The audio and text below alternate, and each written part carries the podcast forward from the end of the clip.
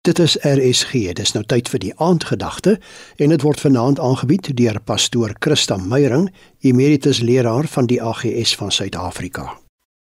Welkom by ons aandgedagte op Hemelvaartdag. Ek lees vir ons drie skrifgedeeltes. Filippense 2 vers 9. Daarom het God hom ook tot die hoogste eer verhef en hom die naam gegee wat bo elke naam is. Hebreërs 1 vers 3. Nadat hy die reiniging van sondes bewerkstellig het, het hy gaan sit aan die regterhand van die majesteit en die hoë hemel. 1 Korintiërs 15 vers 25. Hy moet as koning heers totdat die Vader al sy vyande aan hom onderwerp het.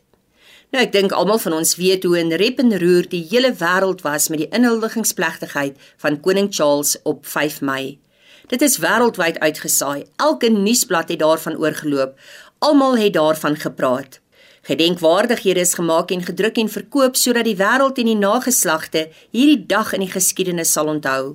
En ek is seker dat van ons wat gekyk en gevolg het, besef dat die kroning van 'n koning is iets groots. Dit is iets wat ons dalk net een keer in ons lewensyd sal beleef. Alles het verklaar, die koning ging is dood, lank lewe die koning. En in hierdie gedeeltes wat ons gelees het, sien ons en weet en kry ons die bevestiging dat Jesus opgevaar het na die hemele toe om sy plek as koning te gaan inneem en as die ware koning van die wêreld gekroon te word. Ek wonder hoe dit in die hemel moes gelyk het toe dit plaasgevind het. Ek wonder hoe groot die vreugdesfees was. Hy is die koning, die koning van die heelal. Sy hemelvaart is die bevestiging van sy koningskap. Hy is die heerser oor alles en almal en hy het 'n duur prys betaal om dit te kan wees.